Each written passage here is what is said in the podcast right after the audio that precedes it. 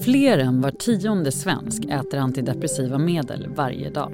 Nu finns en ny behandling mot depression som kommer ur partydrogen ketamin och som spås bli en blockbuster för läkemedelsföretagen. Den här behandlingen startar en självläkningsprocess. Nu kan jag leva ett normalt liv och slipper mörkret. Underlaget för godkännande är anmärkningsvärt dåligt. På en kvart berättar vi om den narkotikaklassade nässprayen som beskrivs som ineffektiv, beroendeframkallande och dyr. Ändå rekommenderas den av Socialstyrelsen.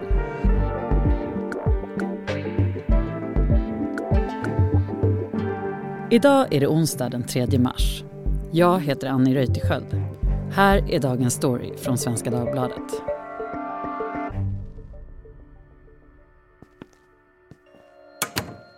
Du går in i ett behandlingsrum och där får du lägga dig på en säng eller sitta i en fåtölj och sen sniffa från en nässpray. Och det rus som du kommer känna, det kommer väldigt snabbt och det kan ge dig hallucinationer eller så får du svårt med balansen, du får svårt att stå eller gå. Fredrik Mellgren har bevakat den svenska vården i många år och bland annat fått Guldspaden för sina avslöjanden om Nya Karolinska. Nu granskar han hur svenskarna behandlas för depression. Det kan kännas eh, både skönt och, och häftigt men också skrämmande. Ruset är så starkt så att eh, du behöver vara kvar i två timmar under övervakning. Det här är en substans som både har använts som partydrog och bedövningsmedel för hästar bland annat. Det låter ju lite konstigt. Eh, mm. Berätta. Ja, ja men så är det. Eh, det kom väl i den andra ordningen. Det kom som ett narkosläkemedel först eh, och det var på 60-talet och då var det både för människa och djur. Men sen någon gång på 90-talet då blev det en, en partydrog av det här, kallades Special K eller Keta. Och då var det ju så att eh, narkosläkemedel det är ju en vätska och för att kunna göra någonting häftigt av det här så, så torkade man den och så fick man ett pulver och det snortade man i sig då. Fram, fram, fram, fram med grejerna på bordet. Fram, fram, fram, fram med grejerna på bordet. Och då ska man ju vara tydlig med att, att det är narkotikaklassat det här och just eftersom det är väldigt beroendeframkallande. Du har ju verkligen fördjupat dig i behandlingen av depressioner under en längre tid. Vad säger du, är det här framtiden? Det är absolut ett nytt sätt att tänka. Alltså, eh, det man har varit ute efter här är ju någonting som är snabbverkande. Antidepressiva eh, kan man tycka mycket om men de är väldigt sena i effekten. Alltså det kan gå fem, sex veckor innan man får någon effekt, om det nu blir någon. Och med det här så får man en mycket, mycket mer snabb effekt. Och om det här är, är framtiden, det, det, är svårt att säga, men för en grupp så tror jag att det här skulle kunna vara bra redan nu och det är ju för de som har som är svårt deprimerade och som har testat många andra behandlingsmetoder och det inte har funkat. Ändå är den här behandlingen också ifrågasatt, eller hur? Ja, sprayen är ju godkänd i USA och Europa men den har ju om man ska vara ärlig ganska liten effekt. Ehm, I det eh, underlag som fanns till den amerikanska läkemedelsverkets eh, prövning av det här så hade de tre studier att bygga det på och två av dem visade inte på någon skillnad egentligen alls mot en vanlig vattenspray eh, och den tredje visade på en liten skillnad jämfört med placebo. Eh, men det är ju så typiskt i den här branschen bland experterna att de är väldigt delade och oense. Så en del tror ju verkligen på allvar att det här är det stora genombrottet inom psykiatrin. Och andra fasar för vad som kan hända nu då. Och det beror ju på att, att man tycker att det är ineffektivt, att det är beroendeframkallande och att det är väldigt dyrt. Och kanske också därför att det är opraktiskt. Mm, här är inte någonting som patienten kan hämta ut på apoteket och gå hem och, och ta. Utan här måste man till en speciell mottagning och under, få det under övervakning dessutom. Det, det, låter ju lite märkligt eh, med allt det här du säger nu att, det, eh, att man ändå kan visa på att det är ganska ineffektivt, det är dyrt, det är krångligt. Varför går man ändå vidare med det?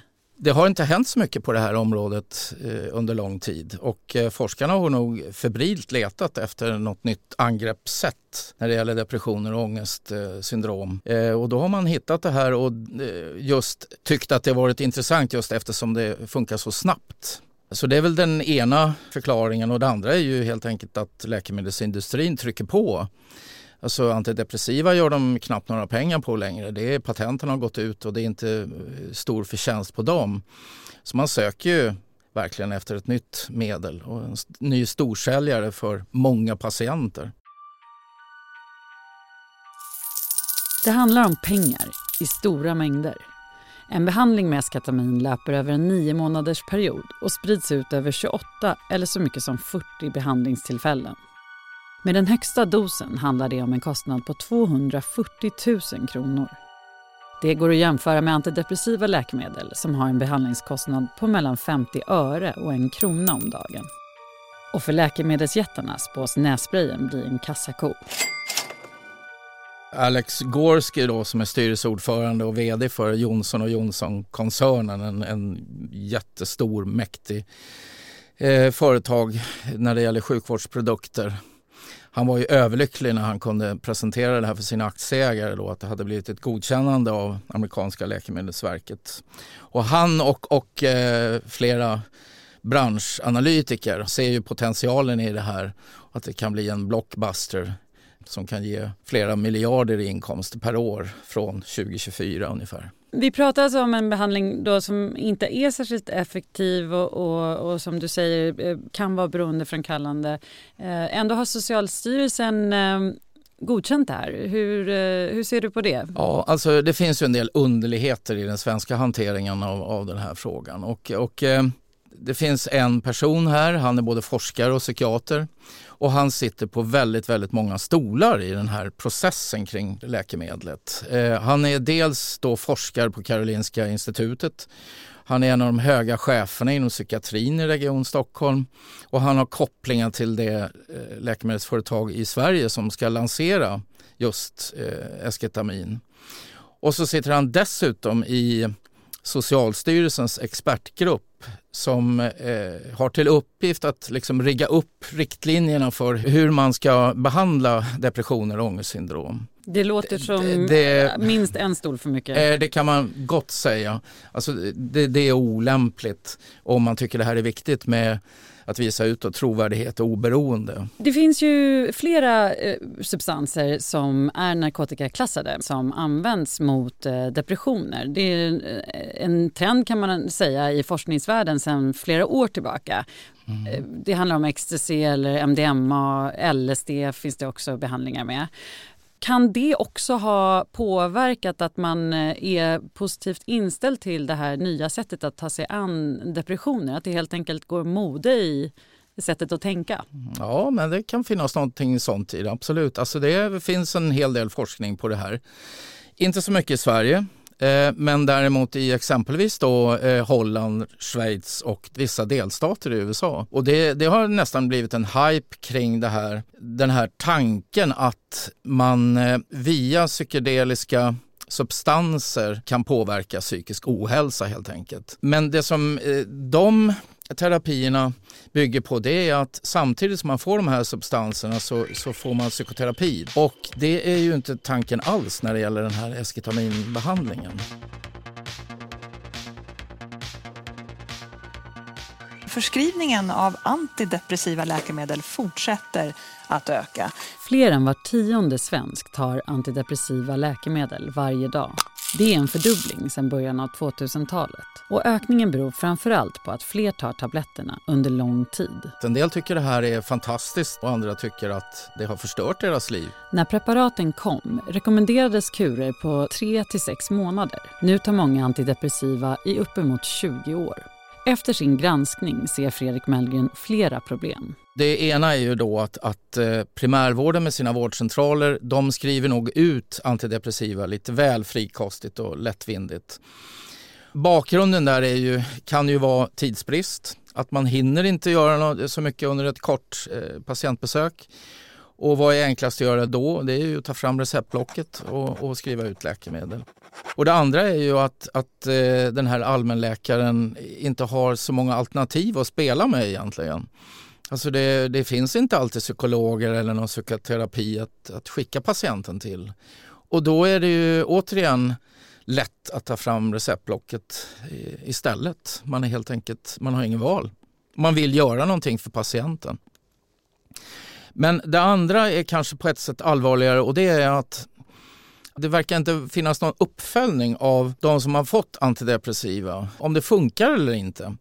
Jag har stött på exempel här där, där patienter har haft det här i 15, 20, nästan 30 år och det har inte varit en enda uppföljning. Och, och, det är ju grundläggande inom sjukvården att man efter ett tag ska kolla, göra återbesök, se var det här bra eller var det dåligt. Men det verkar inte funka alls. Om jag ska bli lite personlig så har jag erfarenhet av, av just det. Eh, jag har själv fått antidepressiva i perioder och har väl upplevt att jag har fått hålla emot eh, när läkare eh, framförallt har velat höja dosen. Mm. Och sen har jag faktiskt inte heller fått någon hjälp med hur man då skulle fasa ut. Vilket har förvånat mig och någonting som jag har tänkt på mycket. Eh, hur ser stödet ut för de som vill sluta? Extremt dåligt skulle jag säga. Det, det, det finns eh, en annan eldsjäl där ute som, som eh, kan hjälpa till men generellt så finns det ju ingen, det finns ingen etablerad verksamhet där man, där man får hjälp och, och, och sluta eller trappa ner åtminstone. Då är man mycket bättre på det här i Norge där man faktiskt har ett antal kliniker som, som vänder sig just till den här patientgruppen som har använt antidepressiva under lång tid och som vill sluta. Och så. Sen har man en annan spännande sak i Norge också. Det är ju att man sedan 5-10 år tillbaka så har man en patienträttighet Eh, inskriven i hälso och sjukvårdslagen att man har rätt till medicinfri behandling.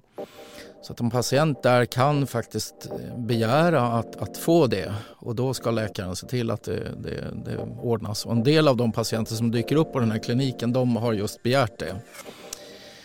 Eh, och det skulle nog Sverige behöva också. En patient kan i och för sig begära eller önska få det här men, men de har liksom ingen kraft bakom de orden i, i Sverige. Nu har vi pratat antidepressiva men också de här narkotikaklassade läkemedlen. Om du blickar framåt, skulle du säga att den typen av behandlingar kommer vinna mark? Mm, jo, men det skulle kunna vara så men då måste de visa sig mer eh, effektiva. Och man behöver nog komma ner i, i pris också. Eh, men eh, under överskådlig tid så tror jag antidepressiva kommer finnas kvar som, som liksom huvudalternativet vid sidan om då psykoterapi som funkar för ganska många också. Tack Fredrik Mellgren för att du kom hit. Tack så mycket.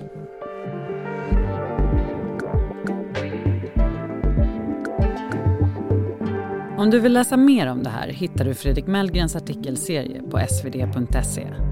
Vi som gjorde programmet idag är producent Siri Hill, redaktör Maria Jelmini och jag heter Annie Reuterskiöld. Dagens story från Svenska Dagbladet ger dig djup och perspektiv på de viktigaste nyhetshändelserna. 15 minuter varje vardag. Lyssna på Spotify och där poddar finns.